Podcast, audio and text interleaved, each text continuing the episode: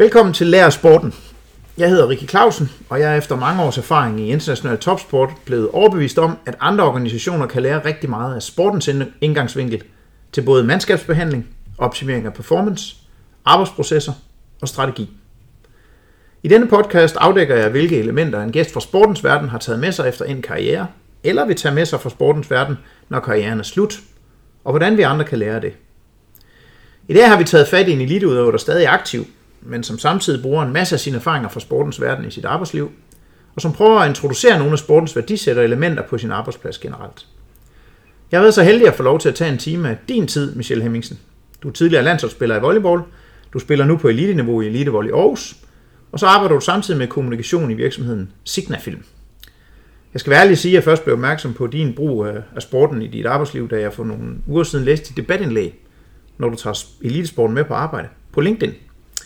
Øhm, og det er netop det emne, vi skal dykke lidt ned i den næste time. Velkommen til, og fortæl først, øh, hvor er vi, og hvorfor er vi her? Jamen, øh, tak. Øh, vi er på min øh, arbejdsplads her i Aarhus. Øh, jeg arbejder på en virksomhed, der hedder Signafilm. Øh, og det er her, jeg har været det sidste halvandet års tid, og egentlig fundet meget af den inspiration til at skrive den øh, artikel, som du netop har omtalt. Og hvad laver du på Signafilm? Jamen, øh, jeg arbejder som content marketing specialist, øh, og vi er en B2B virksomhed, så jeg sidder og håndterer kommunikation for en masse spændende kunder. Øh, ja, så jeg er egentlig en form for konsulent inden for online marketing. Okay, så hvis man, øh, hvis man vil lave noget online marketing som virksomhed, så kommer man til dig og det, det skal man bare gøre. Øh, kan du fortælle lidt om din barnår med sport? Hvornår begyndte du at dyrke sport, og var det volleyball lige fra starten af? Jeg tror faktisk, jeg begyndte med ridning, fordi min, øh, min familie har altid øh, ja, lavet meget inden for ridning. Øhm, men jeg har altid godt kunne lide alle former for sport, har altid været utrolig aktiv og bliver meget nemt restløs. Øh, så, så jeg har dyrket mange forskellige sporter øh, som barn, og altid været vild med idræt og ja, aktiv fag og sådan noget. Øhm, og så tror jeg, jeg begyndte at spille volleyball, da jeg gik i 3. klasse øh, fordi min mor startede et øh, volleyballhold. Mine forældre de mødtes øh, gennem volleyball, så jeg tror, det var naturligt for hende, at det ville hun gerne føre videre, og der var ikke noget der, hvor vi boede, så hun øh, startede et volleyballhold og, og tog så mig med i hallen øh, ja, i 3. klasse. Øh, og så øh, dyrkede jeg selvfølgelig en masse andre sporter ved siden af, mens jeg var ung, men fandt ret hurtigt ud af, at, at volleyball var en af dem, der virkelig øh, interesserede mig, og som jeg var ret god til. Hmm. Ja. Øhm, så din første træner, det var din mor? Ja. Var det ikke lidt mærkeligt? Mm, jeg tror, i starten tænkte jeg ikke så meget over det, men efterhånden, som man sådan kom op i teenageårene, så var det måske lidt mærkeligt også, fordi der kunne godt være nogle øh, sådan lidt øh, debatter om, hvorvidt hun øh, prioriterede mig over andre spillere. Øh, og det var sådan, jo, det var selvfølgelig lidt træls, hvis man skal sige det på godt jysk, men jeg tror, i starten tænkte jeg ikke ret meget over det, og hun var nok den bedste træner, vi kunne have i klubben på det tidspunkt. Øhm, og så stille og roligt, så øh, begyndte hun at overtage nogle yngre hold, og så blev det faktisk min far, der overtog vores hold øhm, i ja, 8. klasse, tror jeg. Og så øh, endelig kom der så en udefra, der gik i 9. klasse, og, og det var egentlig dejligt. Endelig, endelig. ja. hvad, hvad var din mor god til som træner? Jeg tror at generelt var hun god til hele det der foreningsliv, øh, og skabe sammenhold i et klub og på et hold. Øh. Og så er hun en rigtig god menneskekender, så det der med at finde ud af, hvordan skulle hun øh, træne de forskellige spillere, øh, og hvordan fik hun os til at træne godt sammen og arbejde godt sammen, så der heller ikke var noget øh, vi kom fra et meget lille miljø, så de, dem, man gik til volleyball med, var også dem, man gik i skole med. Så man kunne hurtigt tage en trier fra skolen med til træning, men det var hun god til at finde ud af, hvordan lader vi tingene ligge ude og koncentrere os om at have det sjovt med volleyball, når vi er her. Og så var hun også rigtig god til teknik. Den teknik, som man lærte dengang, den er så noget outdated i dag, men, øh, men hun har i hvert fald helt klart bidraget til, at jeg blev, er blevet meget teknisk volleyballspiller. Så det er faktisk din mor, der som træner har lagt fundamentet for, at du nåede så langt, som du gjorde? Det er det, det tror jeg helt sikkert, det er. Interessant. Ja. Sådan lidt, øh, måske lidt Wozniacki. Ja, det kan godt være. I en, i en øh, måske en, en lidt mindre øh, professionel grad. lidt mindre ekstrem udgave. Ja. Hvordan greb man træningen an dengang for sådan en flok små piger?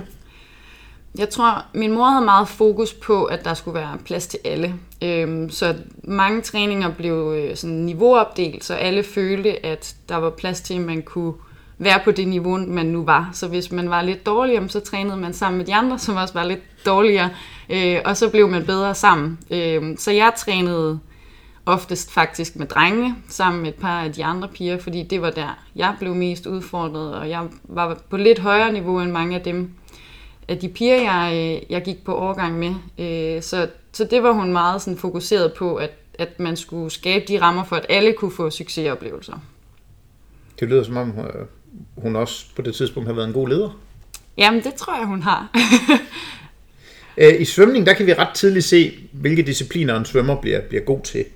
Øhm, er det det samme i volleyball? Altså jeg tænker, at en volleyballspiller, altså man må være ret afhængig sådan af styrke og eksplosion og sådan noget, for at kunne blive en god volleyballspiller. Kan man godt se det i 3. klasse som, hos en 9-årig? Måske ikke allerede i 3. klasse, altså, men man kan hurtigt se, om man bliver høj, for eksempel, eller om man er øh, robust bygget, eller sådan lidt et nips. Øh, så på den måde kan man måske se nogle ting rimelig tidligt, men selvom at det i, i høj grad afhænger meget af fysik, så handler det også rigtig meget om andre ting, som for eksempel teknik, øh, boldøje, eller hvad man skal kalde øh, forståelse for spillet og sådan nogle ting. Øh, og det er sådan noget, man, man godt kan udvikle. Øh, så jeg tror ikke, man i en så tidlig alder, som i 3. klasse, kan sige, du bliver en god kantangriber. Øhm, men man kan måske godt allerede se nogle tendenser, have nogle formodninger. Men jeg tror også, man generelt inden for volleyball i Danmark har lidt den filosofi, at man igennem sine ungdomsår skal prøve at træne alle positioner, øh, så man ikke for hurtigt udelukker, at man kan blive god til noget, eller siger, at du skal kun træne det her. Øh, det er i hvert fald min fornemmelse generelt sådan rundt i klubberne. Altså, jeg kan da huske, nu, nu bliver jeg jo lidt nysgerrig, fordi jeg kan da huske, når vi spillede volleyball i skolen, og også hvis man løber ind i volleyballkamp i dag, så roterer man sådan rundt. Ja. Sådan er det måske ikke. Man har måske faste pladser, når man spiller professionelt. Man, man har faste positioner. Øh, så jeg er for eksempel det, man kalder for kant. Så det vil sige, når jeg er i de tre rotationer, som er fremme ved nettet, så går jeg altid ud på venstre side, øh, og så er det der, jeg har min position. Og når jeg er tilbage, så står jeg altid i midten. Men man skal stadig følge et system, så man roterer rundt, men lige så snart bolden er i spil, så må man gå hen på sin faste position. Det er meget kompliceret ah. for folk, som ser det og ikke uh, selv kender systemet. Så der var en grund til, at vi roterede rundt der i skolen, når vi spillede. Der var en grund det gør man også, og så må du så flytte dig bagefter, når bolden... Ja. Der blev vi jo bare stående. Lige præcis. Ja. Okay, spændende. Ja. Øhm, for et par måneder siden, der, øh, der lavede jeg podcast med Victor Feddersen, og han, han gik meget op i, han synes, det var vigtigt for en ung udøver, at skifte miljø og blive stimuleret på forskellige tidspunkter i karrieren. Øh, nu har du sagt, at du havde din mor ind til 8. klasse, og så havde du din far ind til 9. klasse, og så kom der en mm. endelig, som du sagde, en træner, der ikke var din far eller mor.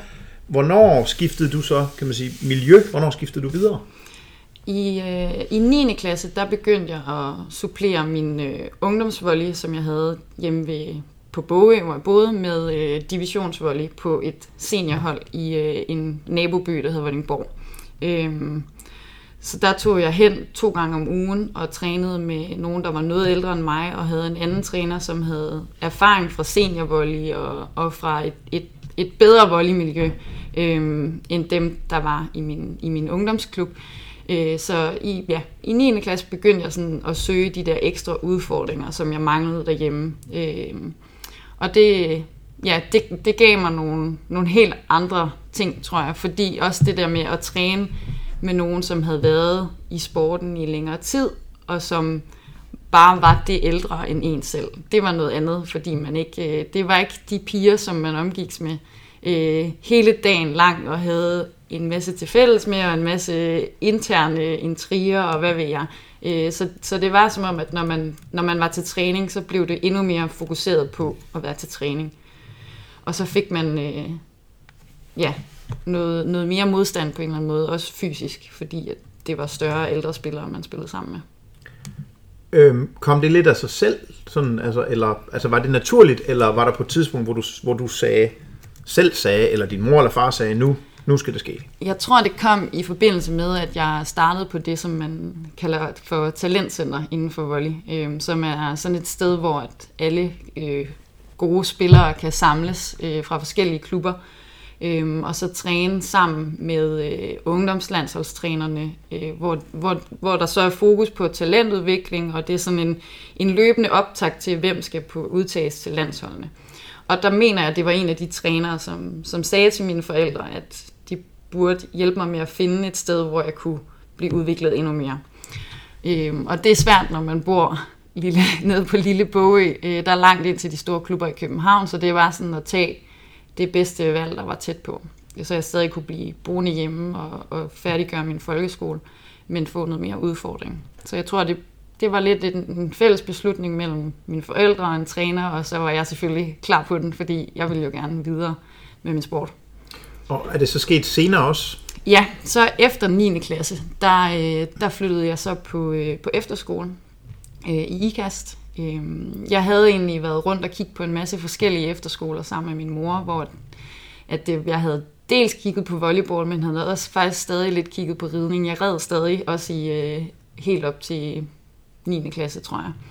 Øh, og havde egentlig udset mig den, jeg gerne ville på, men da jeg blev udtaget til ungdomslandsholdet, så sagde ungdomslandstræneren til mig, at jeg skulle flytte til IKAST, hvor han var træner, og hvor alle de bedste gik på efterskole.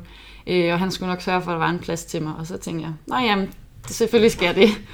Så selvom det var langt væk hjemmefra, så lød det bare lige præcis som det, jeg rigtig gerne ville. Så, øh, så jeg flyttede til IKAST og tog min øh, 10. klasse der. Øh, og gik ikke så meget i skole, men trænede rigtig, rigtig meget og fik, øh, fik nogle fede oplevelser der. Og så efter 10. klasse blev jeg faktisk boende i IKAST, hvor man har øh, startet et øh, kollegie for sportsudøvere. Sportsdag College hedder det hvor man så har øh, forskellige sportslinjer, og så er det egentlig opbygget lidt som Team Danmark, så man kan tage sin øh, ungdomsuddannelse. Jeg gik på handelsskolen i IKAST, samtidig med, at man dyrker sin sport, men man kan gøre det på tre år, så man følger sin egen overgang hele vejen indtil man bliver student. Og det synes jeg var meget tiltalende. Så du øh, har stadig indtænkt morgentræninger, aftentræninger, du har øh, lidt ekstra maven i forhold til afleveringer og fravær og sådan nogle ting, hvis du skal afsted med landshold eller hvad det nu kan være. Øhm, og det, det fungerede bare rigtig godt for mig at være i det der miljø og, og være et sted, hvor det var sådan alment accepteret, at man prioriterede sporten lige så højt som skolen. Det kan jeg i hvert fald også meget genkende fra svømning. At det der med at gå i en klasse, hvor, hvor de forstår, hvorfor man ikke ja. er med til fest altid. Eller de forstår, hvorfor man er væk på træningslejr og sådan noget. Det er, det er væsentligt. Mm. Og så røg du videre til Aarhus. Ja, så da jeg blev student, øh, flyttede jeg så til Aarhus. Øh, jeg tror, jeg sådan, ja, allerede efter det år på efterskolen, havde jeg nok indset, at jeg ikke ville flytte hjem til mine forældre igen. Øh, der var andre ting, der var blevet rigtig vigtige for mig. Og øh, Aarhus var sådan rimelig tæt på, på IKAST, og så fandt jeg en, øh, en uddannelse, som jeg faktisk kun kunne tage i Aarhus, så det kom til at give lidt sig selv. Og der var også et elite volleyhold øh, på det tidspunkt. Mm. Så, så ja, der kunne jeg ligesom kombinere det hele øh, og prøve at arbejde videre med tingene derfra. Og så løb du ind i, da det hele, det, da det hele var på toppen, så løb du ind i en rigtig grim skade, ja. der faktisk troede med, at, altså, at du helt skulle stoppe med at spille volleyball. Og det har taget dig lang tid til at komme tilbage. Øh, kan du fortælle lidt om processen, både, både skaden, men også hvad der sker i processen, når man så er blevet skadet, og hvordan, hvad du har arbejdet med for at komme tilbage? Ja, øh, jamen, jeg blev, øh, jeg blev skadet under min anden sæson i, øh, i Aarhus, øh, og var, øh, var lige blevet udtaget til brutotruppen til A-landsholdet øh, for første gang.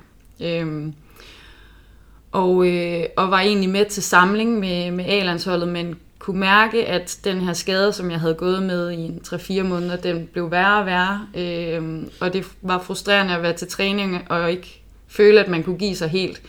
Så jeg følte, at jeg underpræsterede, da jeg var afsted med A-landsholdet der. Øhm, så selvom at, at de sagde, at, øh, at jeg skulle blive ved og fortsætte der, så kunne jeg bare mærke, at det ville ikke blive en god oplevelse for mig. Så jeg endte med at, at melde fra til A-landsholdet Øh, og gik til diverse fysioterapeuter og læger, som, øh, som undersøgte øh, min hofte, øh, og alle mente, at det var noget øh, muskulært som skulle trænes væk og masseres væk og så videre, øh, indtil jeg så blev sendt op på, øh, på en øh, hofte- og knæafdeling på øh, Universitetshospitalet her i Aarhus, hvor de øh, lavede røntgen og MR-scanning af mig og fandt ud af, at, at det var ikke noget muskulært, øh, men det var øh, noget, der skulle opereres ind i min hofte. Øh, og i al den tid her havde jeg jo selvfølgelig bare trænet videre, fordi jeg havde fået at vide, at, at det var det, jeg skulle gøre. Øh, så jeg havde ikke som sådan trænet mindre. Øh, og så blev jeg opereret et par måneder efter, de fandt ud af, hvad det var, og fik at vide, at der var okay chance for, at det kunne blive bedre, men der var også chance for, at det ikke ville blive bedre, og der var også risiko for, at det ville blive værre af at få lavet operationen. Så jeg skulle ikke forvente, at jeg kunne vende tilbage til det samme niveau med volleyball, hvis jeg kunne vende tilbage. Øhm, men jeg synes, det var det værd at få lavet operationen, øh, og det, det var jo ikke kun noget, der påvirkede min sport, men det påvirkede jo hele mit liv, fordi det var så, øh, det var så slem en skade. Øhm, og efter, ja, efter operationen begyndte jeg så i et øh, genoptræningsforløb med hospitalets fys. Øhm, og tror egentlig bare, at jeg stadig, fordi jeg var stoppet på det tidspunkt, jeg var i min volleykarriere, så havde jeg egentlig stadig blod på tanden, for at jeg skulle ud og prøve mere. Øhm, Hvor gammel var du på det her tidspunkt, da du skulle til at genoptræne? jeg må have været 22, tror jeg. Det er også tidligt Så det er... at stå og bøvle med sådan noget. Ja, det var tidligt. Også en hofteoperation. Altså det, det er sådan noget, man forbinder med gamle mennesker. øhm, og jeg var ikke en typisk volleyballskade, så jeg havde heller ikke så mange, jeg ligesom kunne, kunne spørge til råds om, hvordan de havde genoptrænet. Så det var meget at prøve at bruge de fyser, der var til rådighed, øhm, og føle mig lidt frem. Øh, jeg fik meget at vide, at jeg skulle, jeg skulle presse mig til, til smertegrænsen, og ikke længere. Øhm, men jeg tror, jeg har en rimelig høj smertegrænse Ja, det skal man efterhånden. jo ikke sige til en vel? altså, det er jo... Præcis. Så, øh, så, så jeg genoptrænede ja, nærmest dagligt øh, alt det, jeg kunne, øh, og vendte nok lidt for hurtigt tilbage til at spille volleyball igen. Så jeg endte faktisk med efter, jeg tror, et halvt års tid, måske et års tid, med meget intensiv genoptræning og, og blive sat ret langt tilbage igen, og måtte tage en øh, to måneders pause fra nærmest alt, fordi jeg, jeg havde presset mig selv så hårdt. Øh, så, så det har taget lang tid at komme tilbage til der, hvor jeg er i dag, hvor jeg igen kan træne de her tre gange om ugen og spille kampe. Øhm, og jeg tror ikke, at der er så mange øh, sådan redskaber, jeg kan hive frem. Jeg tror, det har handlet rigtig meget om, at jeg bare rigtig gerne stadig vil spille volleyball. Øh, så så det det, der har drevet mig, tror jeg. Men, men kan man vende den om og så sige, de gange, hvor du bliver presset i forhold til arbejde nu, og i forhold til at have travlt og sådan nogle ting, er der så nogle ting for den proces, du kan uddrage? For jeg tænker, altså i virkeligheden, så kan man jo man godt sammenligne det at blive ramt af stress med at få en skade. Mm. Og der er jo rigtig mange, som så, så skal de tilbage til arbejdsmarkedet, og så går det lidt for stærkt, og så kommer de tilbage, og så bliver, Ja. bliver de ramt af stress igen. Og så kan, kan man, altså, kan du, er, du, er du blevet bedre til at passe på dig selv? Det er jeg. Jeg er blevet bedre til at, at sige fra øh, og lytte til, hvornår skal jeg måske kun træne to gange om ugen, i stedet for tre gange om ugen. Øhm, og hvornår skal jeg måske ikke lige tage så meget vægt, når jeg er over i fitness. Øhm, det er jeg helt sikkert blevet bedre til. Øh, og jeg er også blevet bedre til at prøve at generelt tænke min hverdag i forhold til, hvad min, hvad min hofte kan klare. Fordi det kan for eksempel også være at sidde ned en hel dag på arbejde, der kan gøre det slemt. Så øh, at stå op et par timer om dagen kan hjælpe på det. Sådan. Så, jeg- så jeg er helt sikkert blevet bedre til at tænke over, hvordan jeg håndterer det, øh, for ikke at blive sat tilbage igen. Men det er klart, at det er svært, når man dem, man spiller på hold med, ikke har de samme udfordringer, og de kan træne mere, end jeg kan, og kan holde til mere, end jeg kan. Og jeg synes, jeg synes, det kan være svært at, for eksempel at styrketræne sammen med dem, fordi jeg kan se, at de kan tage så meget mere i vægt, og så ved jeg, at så kommer jeg til at, at presse mig selv, fordi jeg vil kunne det samme. Så det, det er noget, jeg er meget bevidst om i dag. Kan du overføre det til andre aspekter? Kan du overføre det til, når du har travlt på arbejde? Er du også blevet bedre til at passe på dig selv der? Eller? Det vil, altså, det vil jeg rigtig gerne, at jeg kunne sige, men det tror jeg ikke, jeg er. Jeg, jeg tror, jeg er generelt rigtig dårlig til at sige nej, og er nok lidt for øh, resultatorienteret nogle gange, øh, og meget, øh, er meget et konkurrencemenneske på rigtig mange parametre. Så, så jeg har en øh, utrolig dårlig evne til at slappe af og sige, det er okay, at jeg ikke lige når det her nu, øh, eller at jeg ikke lige får gjort det der. Øh, jeg har mange, rigtig mange og meget høje forventninger til mig selv, så det er også på arbejdet noget, jeg arbejder rigtig meget med. Øh, hvordan jeg skal håndtere. Ja. Det kommer vi tilbage til. Ja. Det, det er jo noget af det, du også har, har, har beskrevet i din, i din artikel. Øhm, så så, så det, det kommer vi helt sikkert tilbage til. Øhm, du har selv været assistenttræner på, på Elite Volley Aarhus. Øh, jeg går ud fra, at det var, mens du, du havde din skade og ikke selv kunne spille. Ja.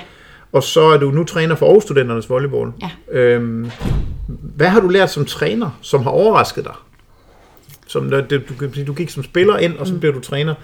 Er der nogle ting nu, som du kan kigge tilbage på og så sige, hvis jeg havde vidst det som spiller, at det er sådan at være træner, så havde jeg... Altså, er der nogle ting der, der har overrasket dig? Jeg tror, at jeg som træner er blevet endnu mere bevidst om, hvordan snakker vi om resultater og om vejen hen til resultatet. Øhm, som spiller tror jeg, at, at, at jeg er meget øh, fokuseret på, at jeg skal gøre det her godt. Og hvis jeg ikke gør det godt, så er det træls. Selvom at man får at vide, Jamen, det handler om måden, du gør det på, og alle de her ting. Så op i hovedet sker der noget andet. Og når man er træner, så, så står man lidt fra den anden side og kan se anderledes på det. Så det her med at have mere fokus på vejen hen til målet, end at have fokus på målet, tror jeg er, er noget, jeg helt sikkert har taget med mig fra, fra trænergærningen. Og så også det her med, hvordan du øh, lærer folk på ting på forskellige måder. Altså alle folk øh, lærer bedst på hver deres måde. Øhm, og der tror jeg, man som spiller, når man står der og skal have forklaret en øvelse eller et eller andet, og, og din, din øh, holdkammerat ikke lige forstår den, så står man og bliver utålmodig og irritabel over det. Hvorfor forstår du ikke det? Det er jo mega nemt. Øh, men som træner, der, der, der finder man hurtigt ud af, at folk skal have informationer på forskellige måder. Øh, så, og det er nok også en af, af de ting, jeg, jeg også tager med mig på arbejdet. Mm. Ja. Og så er der selvfølgelig en masse organisatoriske ting, som man slipper for som spiller, og som er noget af det, der er det sure ved trænergærningen. Men det kan man også lære noget af. Ja. Interessant, at du... Altså, kan man sige, at det den viden, du havde som spiller, og så den viden, du fik som træner, altså forskellen på at være spiller og træner, det er vel i virkeligheden er det samme som at være ansat og være leder? Det er det måske til dels, ja. Det, det, ja, det kan det nok godt være på nogle punkter. Altså, øhm, Jeg tænker, sagde det her med, du ved, processen og resultatet. Ja, lige præcis. Du, du har forskellige fokus alt efter, hvilken rolle du er i, tror jeg. Øhm, og der kan du, som træner, kan du måske have, øh, have overskud til at have en længere plan og sige, "Mm, det er okay, at de her ting ikke lykkes lige nu, så længe at vi hele tiden forbedrer vores forudsætninger for, at de kommer til at lykkes om tre måneder. Mm. Øhm, den, den tror jeg, at, at man har mere som træner, end man har som spiller, eller leder ansat, hvis det er det, fordi når du er i situationen som spiller, så tænker du meget på, at jeg skal performe nu, eller så står jeg på bænken i næste kamp, eller hvad det nu kan være. Og træneren måske mere tænker, jeg kan se, der er udvikling til hver træning, så det kan godt være, at hun ikke starter inden i næste kamp, men så starter hun inden om en måned, fordi hun er kommet det stykke længere. Så ja, så den forskel, tror jeg. Men der definerede du også lige den, den dygtige træner. Er Kan helt man, sikker. lidt groft sagt, ikke? Ja, jo. Så øhm, spændende. Du har læst kommunikation jo. Ja. Hvornår fandt du ud af, at det skulle være kommunikation?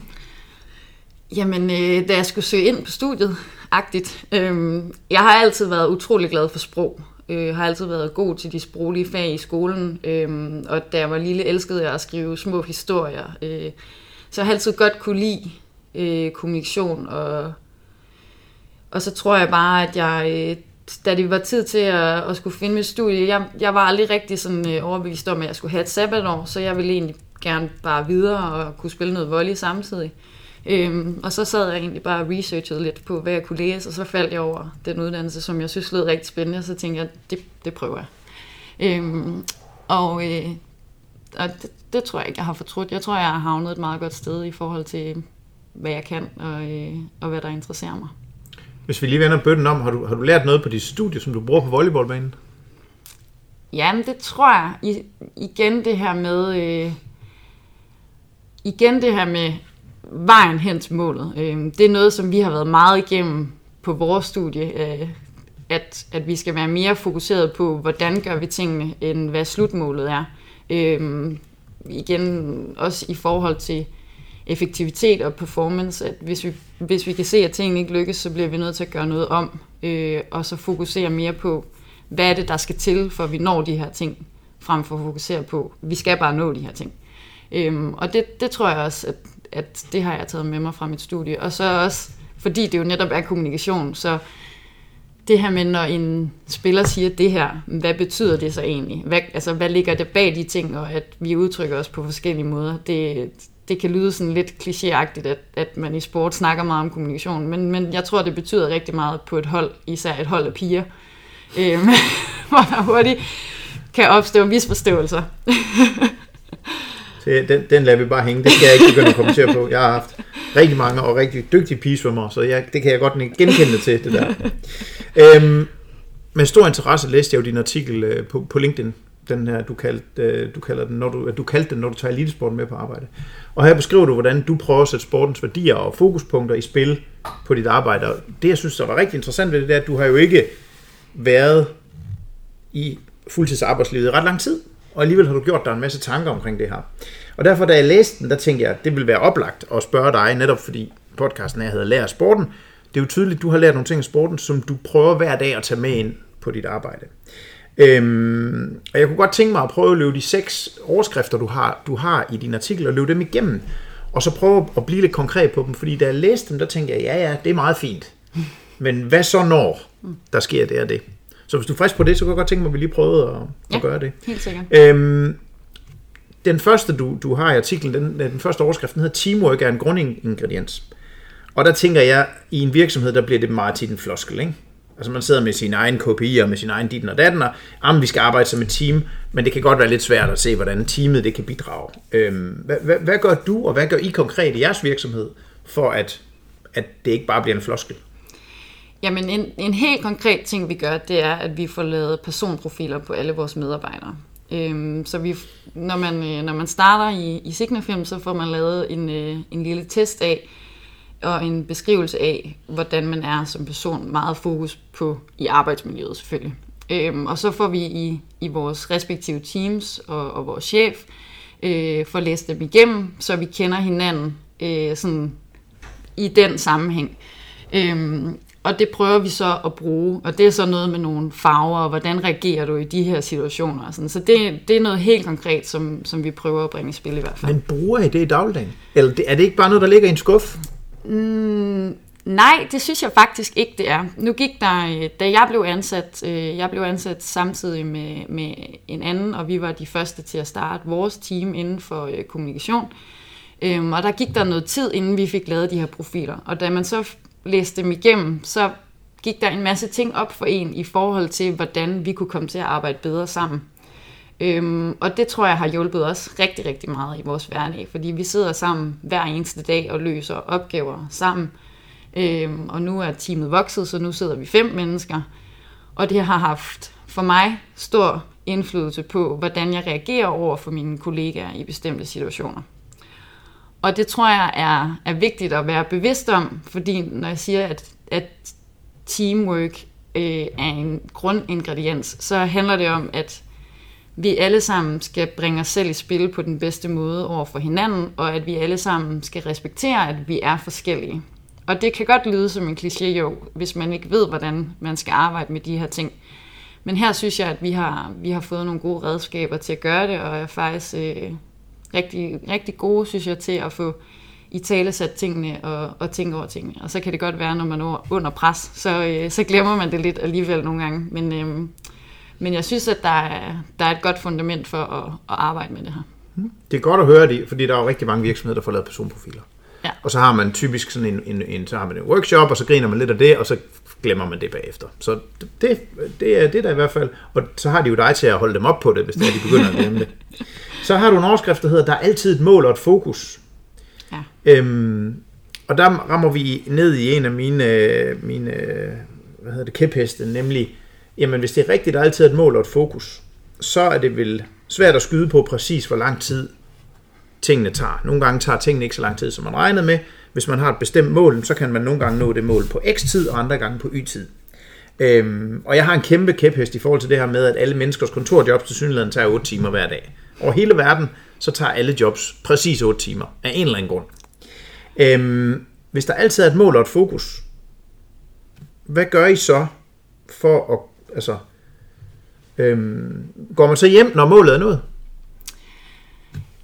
Nu er det også lidt sat på spidsen her. Øhm, og jeg tror, at det her er rigtig meget også for min egen skyld.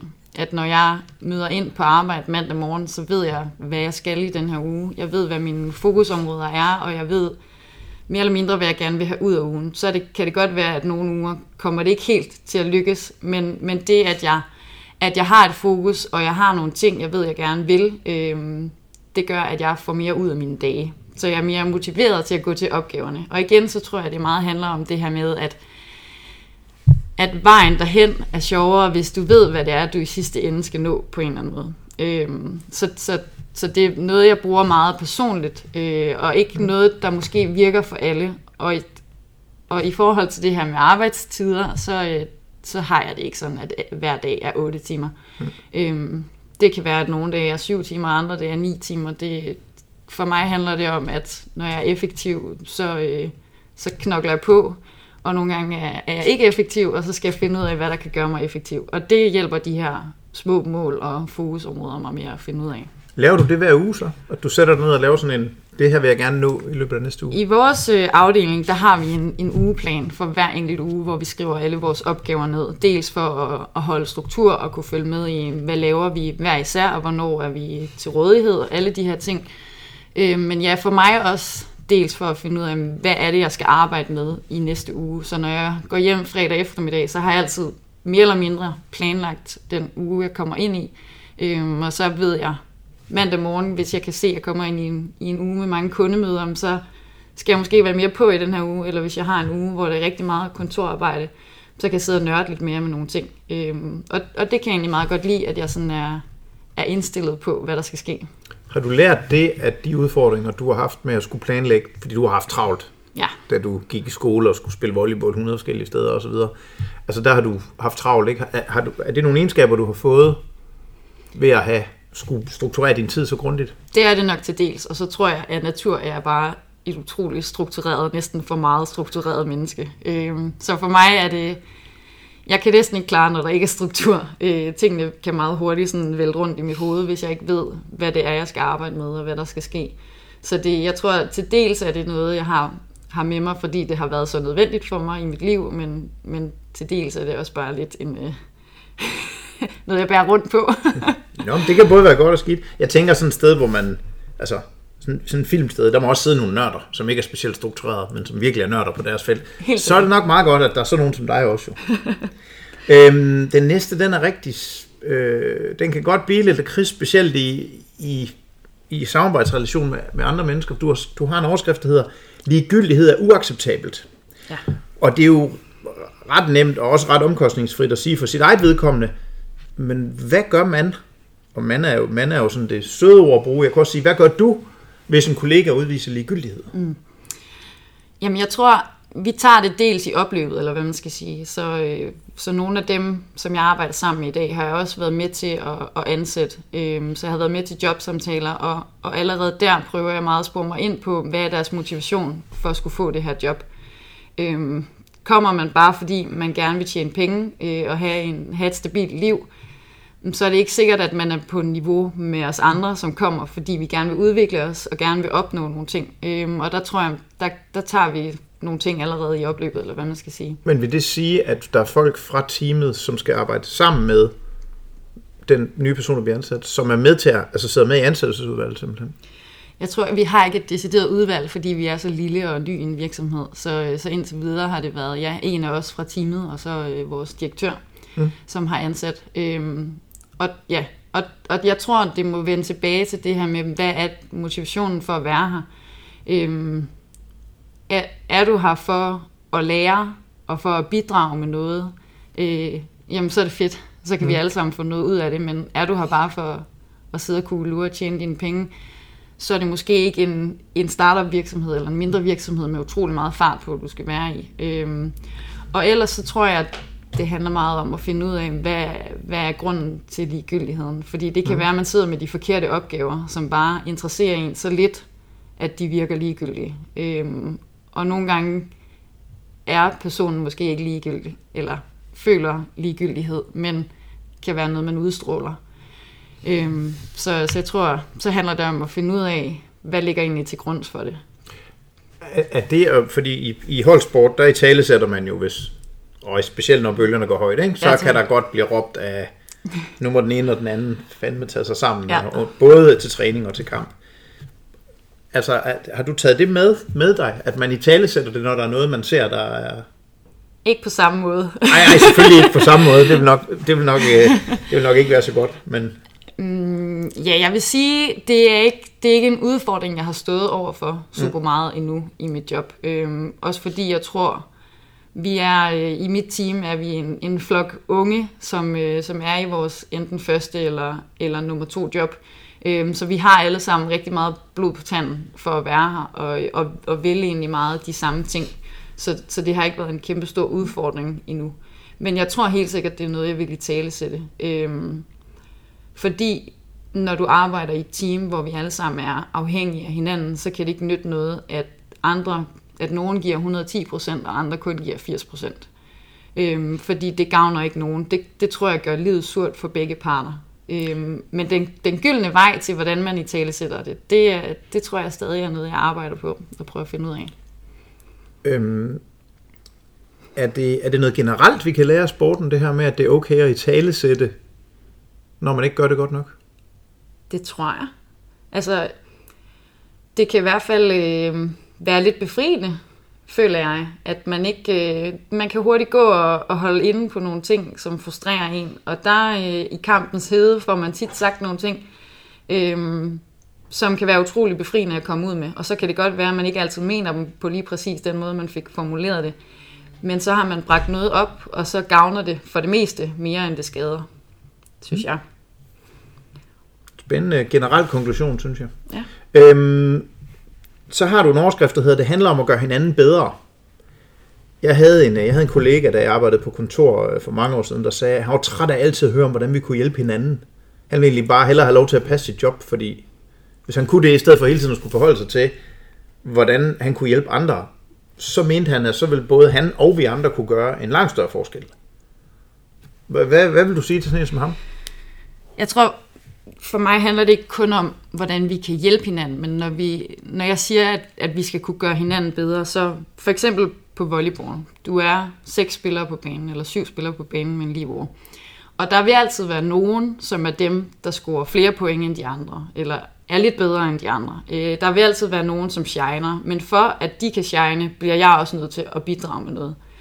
Så hvis øh, min hæver hun skal kunne lave en god hævning, så bliver jeg nødt til at lave en god modtagning. Og hvis min angriber skal vinde pointen, så bliver hæver nødt til at lave en god hævning. I sidste ende er det måske mest angriberen, der shiner, men alle vi andre, vi har bidraget til, at hun kunne gøre noget godt. Så, så jeg tror, at for mig handler det meget om øh, at udnytte hinandens styrker til at gøre det samlede resultat bedre. Øhm, så det er ikke sådan en, øh, det er ikke sådan en, øh, hvis jeg gør det her for dig, så er det godt. Men det er mere sådan en, hvis jeg gør det her for dig, så bliver du bedre, og så bliver jeg også bedre, fordi at vi bruger hinandens styrker og kompetencer. Der kan, ja, og volleybilledet, det kan jeg jo sagtens forstå. Ja. Altså selv med min begrænsede, i hvert fald begrænsede evner, men også med min begrænsede forståelse for volleyball, så kan jeg jo sagtens forstå modtag, kvaliteten af modtageren, af modtagelsen, altså gør jo, for, for, altså det, den giver jo noget til hæveren, og kvaliteten af hævningen gør jo, altså det forstår jeg. Mm. Men hvordan gør I det på en arbejdsplads? Der er det jo ikke så entydigt tydeligt. Der Nej. kunne også være, at der er nogen, der er uenige om, hvad en god hævning er i godsøjne. Det kan sagtens være. Jeg tror, her, øh, her bruger vi meget det, at vi har forskellige interesser og forskellige kompetencer til at, at have nogle områder, hvor vi er specialister indenfor. Øh, så hvis jeg skal vide noget om det her, så går jeg til min kollega, som kan hjælpe mig med det her, og så får kunden det bedste resultat, fordi vi har brugt hinanden. Øhm, så jeg løser en opgave, fordi jeg ved, den er jeg bedst til. Men jeg erkender også, at jeg er ikke den bedste til det her. Så derfor går jeg til min kollega, som jeg ved, hun er god til det her. Og så kan vi sammen skabe noget, der er bedre, end hvis jeg sad og prøvede at gøre det, hun gør. Så det der med at, at, at være bevidst om, hvor ligger ens styrker, og hvor skal man gå til nogle andre for at få de styrker, det gør, at slutresultatet bliver bedre. Også i forhold til måden, man arbejder på, tror jeg, at man kan lære meget af hinanden. Altså jeg har, som vi har været inde på, altid været gået meget op i struktur og detaljer. Øh, så der kan jeg måske lære noget af mine kollegaer, som går lidt mindre op i det, hvis jeg vil være mere effektiv for eksempel. Og modsat kan de lære noget af, af min struktur og detaljebevidsthed. Det kræver, hvis vi bliver lidt i volley jargon, så kræver det lidt, at du så har tillid til, Ja. at din kollega er bedre til at hæve, end du er. Helt sikkert. Det gør det. Øhm, og det er, det er både det fede og, og det svære ved holdsport, tror jeg. Det der med, at du, du er afhængig af, at de andre også gør det godt, men du skal samtidig udvise tilliden til det, at de gør det, og at de leverer. Øhm, og det, det er det samme på arbejdspladsen. Hvis jeg, hvis jeg for eksempel har en ny medarbejder, som skal læres op, og jeg ved, at tingene kommer til at tage længere tid, når hun skal gøre det, end hvis jeg bare gjorde det selv, så kan det godt være en svær opgave at sige, men hun skal gøre det, selvom det tager dobbelt så lang tid, fordi hun skal også lære det, og hun kan blive lige så god til det, som jeg kan. Så den tillid er man nødt til at, at udvise, selvom at det kan være udfordrende. Det, det, det lyder ikke så svært, når du siger det. øhm, så øh, nu har vi to overskrifter tilbage. Den ene, den hedder Fake it till you make it. Og den, den kunne jo godt misforstås. Det vil sige, du ved, at man prøver at fake det frem for at prøve at gøre tingene igen, som mm. du beskriver. Øhm, så vil du prøve at beskrive lidt nærmere, hvad du mener, og også gerne konkretisere, hvordan arbejder du, du med det i det daglige, det her med at blive ved, og blive ved, og blive ved, indtil du klarer den. Ja, jamen altså, nu har jeg generelt utrolig svært ved at acceptere, når jeg laver en fejl. Øh, men når det sker, så for mig, fake it till you make it, handler om netop at, at blive ved, øh, og så prøve at fokusere på noget andet. Så hvis vi starter på volleybanen, så kan det godt være, at jeg har en, en rigtig skidt angrebsdag, og jeg vinder bare ikke nogen som helst bolde.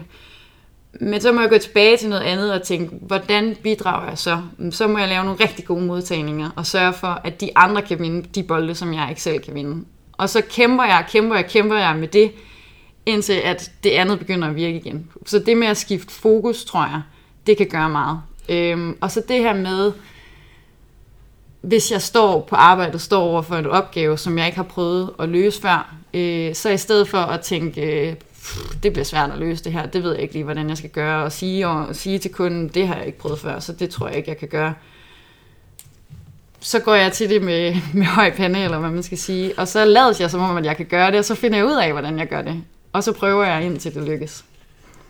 Så jeg okay. tror, det, det er den måde, jeg arbejder med det på. Jamen, så det giver god mening, så det er jo bare det der fake it, jeg, jeg tænker til. Men, men, men, altså evnen til at blive ved, altså det er jo også lidt groft sagt. Hvis jeg kigger tilbage på de udøvere, jeg har arbejdet med, på de 10 mest talentfulde udøvere, så må vi bare konstatere, at dem, der er bedst på de dårlige dage, det er også dem, der når rigtig langt. Ja.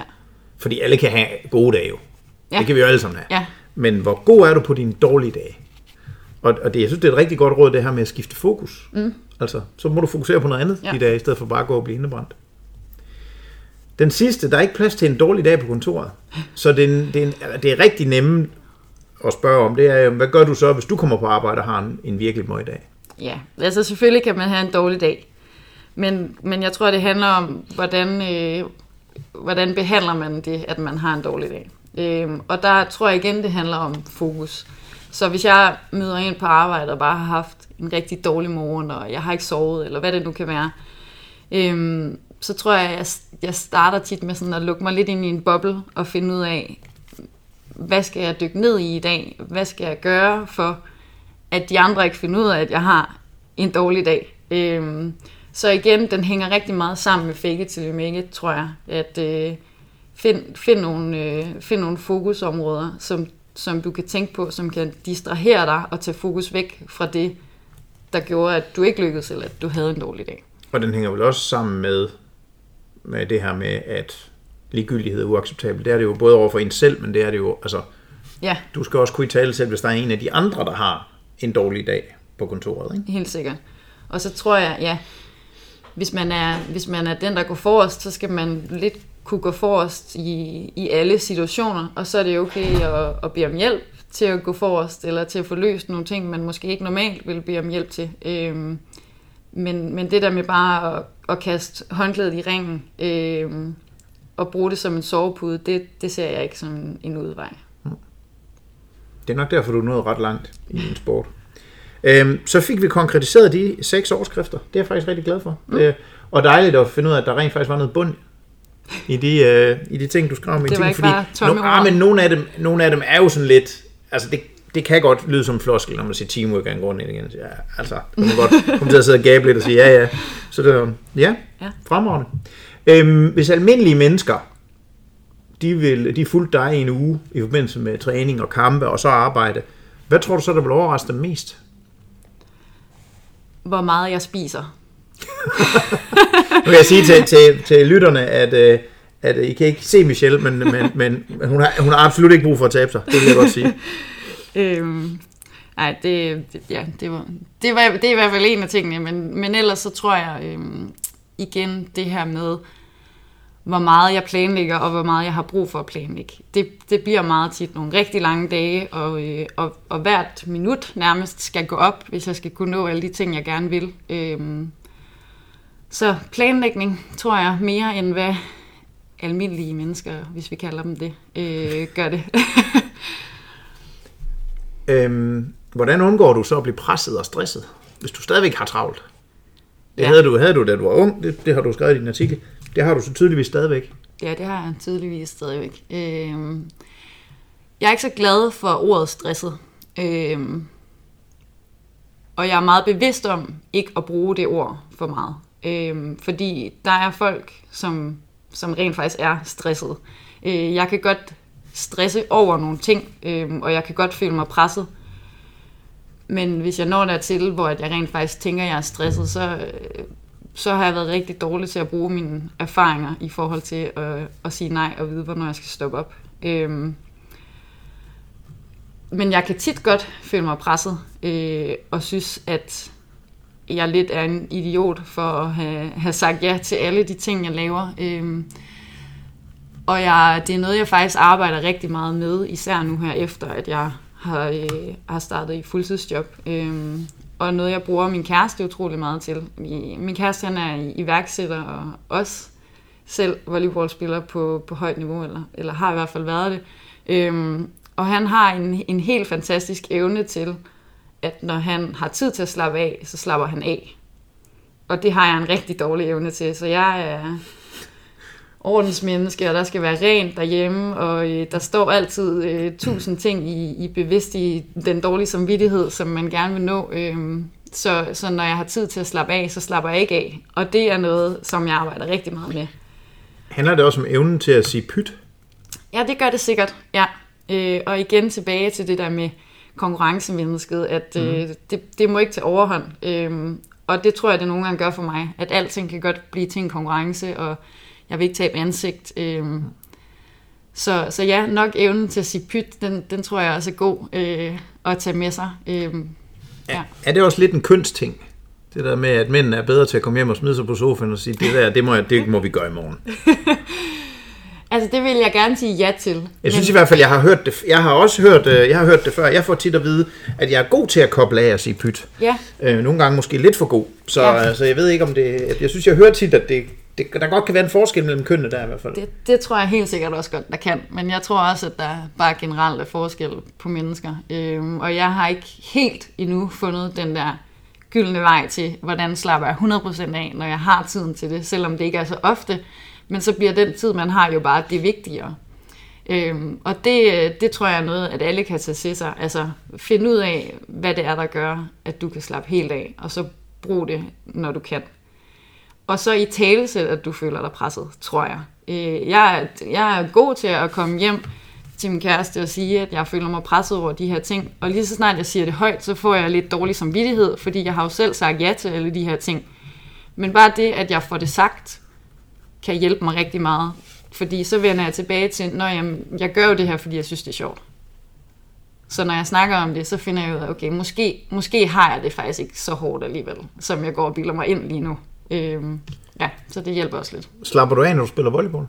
For det meste, ja. Jeg bruger det i hvert fald som, øh, som et frirum. Øhm, og prøver rigtig meget, og når jeg går ind til træning, så lægger jeg alt andet uden for banen, og så handler det om volleyball. Det handler om at, øh, at nørde med nogle andre ting, end, end man gør på arbejdet. Det handler om at slå hårdt til den der bold, hvis man skal ud med nogle aggressioner, eller ja, noget andet. Så, øh, så mit udgangspunkt er, at, at jeg bruger volleyball til at slappe af, men selvfølgelig når man spiller på højt niveau, så når man er til træning, kan man jo også føle sig presset, fordi der ved man, at man også skal performe. Så nogle gange kan det godt blive en lidt ond cirkel, hvis man har dårlige perioder, eller rigtig vigtige kampe, eller hvad det nu kan være.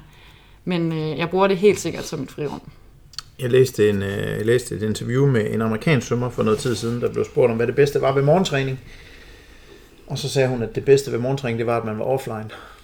Ja. Når man lå dernede på sengen, så var man ikke, der var, der var ikke nogen, der kunne komme i kontakt med en der. Der var man ligesom sig selv. ikke? Ja, det er rigtigt. Øhm, og sådan, sådan, sådan hører jeg også lidt, at Ja. ja. sige, at der, det er mit frirum. Lige præcis. Der er Det ikke- der, der er ikke nogen notifikationer. bekymringer.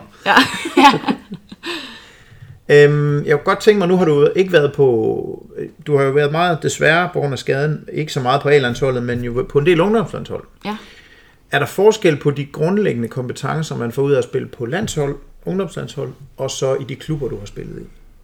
Her tænker jeg, jeg tænker egentlig mest på det her med, når man møder nogle mennesker, som man ikke er sammen med i så lang tid, du ved, sådan lidt ala et projekt, man kommer på, ja. Og så bliver man hævet af igen. Ja. Hvorimod klub, klubdelen er jo mere sådan, du ved, fast arbejde. Ja, jamen det, det gør man da helt sikkert. Altså du, du lærer da noget af de relationer, du bygger, øh, når du er afsted, øh, og, og det fællesskab, der er, som kan virke endnu mere intenst, tror jeg, når det er med landsholdet end, end i- hjemme i klubben, fordi det er mennesker, du ser næsten dagligt året rundt, øh, hvor dem her, der er det meget mere fokuseret. Øh, I volleyball, fordi det er så lille en sport, så kan man sige, trænermæssigt er det meget de samme trænere, som er ind over landsholdet, som også er på klubber, så, så det, det, det er nogle folk, man, man møder ofte. Men, øh, men jo, jeg tror, det der med, at du er der i, i så kort tid ad gangen med landsholdet, så, så det handler om at få det endnu mere ud af det, når man er der. Altså virkelig at suge til sig af de mennesker, man møder, og de pointer, man får med sig, og så tage det med hjem i sin klub. Det tror jeg, det tror jeg godt, man kan, man kan lære noget af. Ja. Hvad, hvad er det mest irriterende ved at være på hold med dig? Her tænker jeg både i volleyball, men også, øh, også i Signafilm. at jeg har holdninger om alt og er utrolig stedig, tror jeg.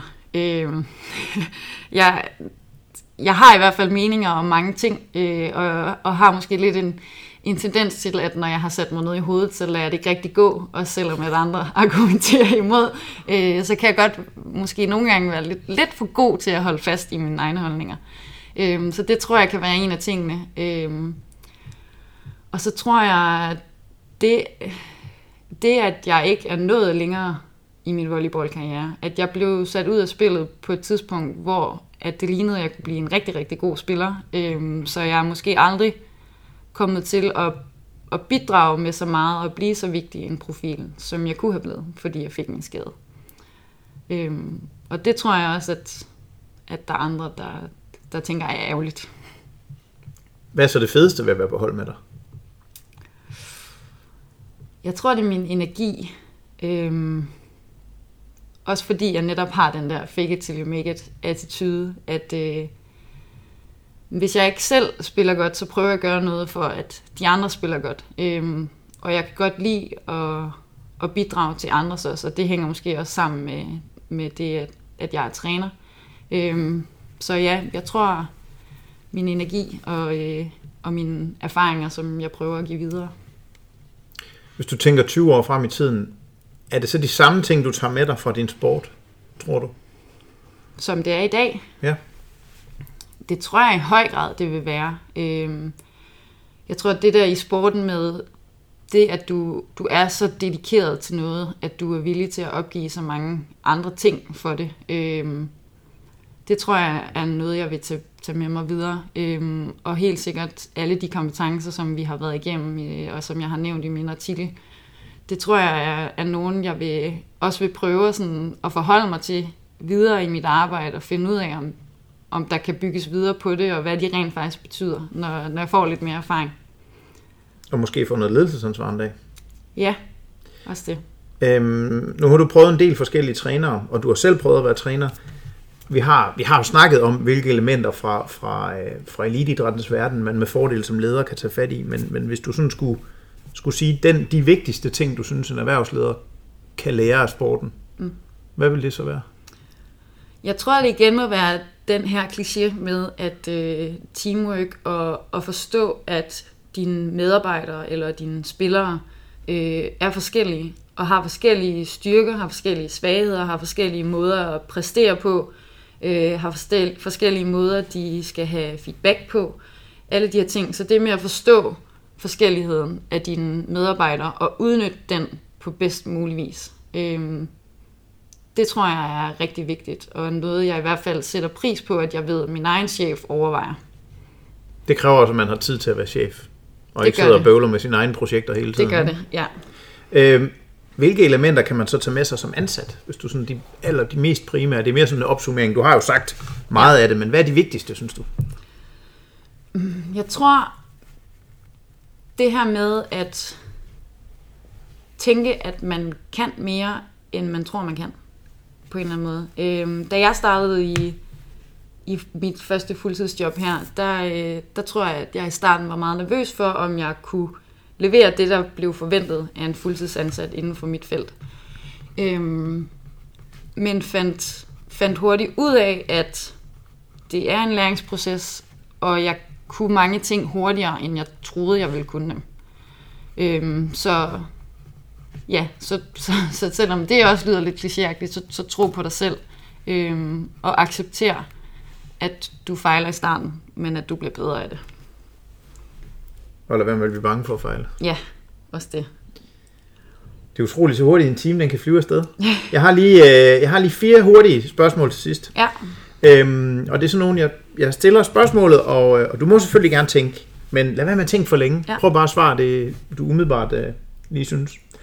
Hvis du kun måtte give et råd til en ung volleyballspiller, hvad skulle det så være? sæt mål for dine træninger. For dine træninger, ikke, for, ikke kun for kampen. Selvfølgelig må, må, må du også, eller skal du også Ja. gerne sætte nogle overordnede mål, men, men tag til træning og ved, hvad du skal arbejde med mm. i den træning. Så tror jeg, at du får mere ud af træningerne. Fedt. Hvis du kun må give et råd til enhver træner for unge idrætsudøvere, ikke nødvendigvis kun volleyball, men hvis det er volleyball, så er det selvfølgelig fint. Hvad skulle det så være? Have fokus på de positive ting. Så i talesæt de ting, der bliver gjort rigtigt, mere end de ting, der bliver gjort forkert. Fordi jeg tror, at det er succesoplevelserne, der, øh, der, gør, du, der gør dig bedre, mere end det er kritikken. Det, det lyder som noget, din, det lyder som noget, du havde for din mor, det der. Det kunne det nok også godt have været. Øhm, du er jo... Det lyder som om, at du er med til at prøve at påvirke kulturen på din arbejdsplads. Og derfor synes jeg, det er interessant at spørge dig om, hvis du skulle give et råd til andre kvinder på din alder, der tænker, at de bør sætte spørgsmålstegn ved kulturen. Fordi der er et eller andet, de synes, der ikke fungerer. Hvad skulle det så være? Øh, start ved jer selv og se indad. Hvis der er noget, I gerne vil have, skal ændres, øh, så lad være med selv at gå i den dårlige retning. Øh, ja, det tror jeg. Øh, så, så sørg for selv at tage initiativ og bidrage til de ting, du gerne vil have ændret. Ellers så kan du ikke forvente, at andre ændrer dem for dig. Så er der kun et sidste spørgsmål. Ja. Hvis du nu kunne bede alle lytterne, og første gang jeg sagde det til Victor Feddersen, der var det, der klingede det lidt hult, fordi jeg tænkte, det er godt nok spændende, hvor mange der vil lytte til det her. Men det har faktisk vist sig at være ret mange. Så nu siger jeg, hvis du kunne bede alle lytterne af den podcast om én ting, hvad vil det så være? Og det kan være alt muligt. Det behøver ikke have noget med emnet at gøre. Det kan også være, at man aldrig skal købe en plastikpose igen. Den synes jeg faktisk er rigtig god, og den går jeg meget ind for. øhm, men jeg tror, at jeg vil stjæle øh, Nikes øh, tagline her og sige, just do it. Jeg skrev i, øh, da jeg delte min LinkedIn-artikel, der skrev jeg også, at jeg ikke er den store tilhænger af nytårsforsætter. Øhm, jeg er mere tilhænger af, at øh, hvis der er noget, du gerne vil, og noget, du drømmer om, og noget, du har sat dig som mål, så kom i gang. Lad være med at vente til, at det bliver et nyt år, eller en ny måned, eller hvad det nu kan være, men gør det. Prøv det af. Vise ord. Man kan som sagt følge dig på LinkedIn jo. Du skal bare søge på Michelle Hemmingsen, og det er altså livet af landevejen. Der er ikke så meget... Øh, der er ikke så mange øh, to eller og det hele. Og det vil jeg anbefale folk at gøre. Der er, der, der udover artiklen, så er der også andre spændende ting. Hvor kan man finde øh, mere information om dig? Er der noget, noget sociale medier eller et eller andet, man kan... Jamen, jeg er også på Facebook og Instagram. Instagram er nok der, hvor man kan følge mig lidt sportsmæssigt, hvis man har lyst til det. Og ellers Signa Film. Hvis nu man sidder ja. Og tænker, det lyder spændende. Ja. Hvad gør man så der? Jamen, så øh, skriver man signafilm.dk, eller også på de sociale medier, vi er over det hele. Det er dig, der står for det, så det jeg Ja. tænker jeg, det I er over Ja. det hele. Det ville være skidt, hvis I ikke var på Instagram. ja, lige præcis. Tak for din tid, Michelle. Jamen, selv tak. Og, og held og lykke både med, både med volleyball og erhvervskarriere. Tak. Og tak til dig, kære lytter, fordi du lyttede med endnu en gang. Lær sporten er tilbage med flere interessante gæster fra sportens verden. Om øh, cirka en uge, der skal jeg ind i Folketinget og øh, lave en podcast, og så kan man jo selv begynde at spekulere lidt over, hvem det kunne være fra sportens verden, vi skal snakke med der. Du kan høre podcasten på iTunes, på SoundCloud, du kan følge med på Facebook, Lær af sporten hedder siden, og på hjemmesiden rikkeklausen.dk. Du kan også følge mig på LinkedIn. Du skal søge på Rikke Clausen, det er der ikke så mange, der hedder, så det skulle være til at finde. Hvis du har en idé til en spændende gæst fra sportens verden, så skriv til os på Facebook eller på e-mailadressen på min hjemmeside. Vi høres ved.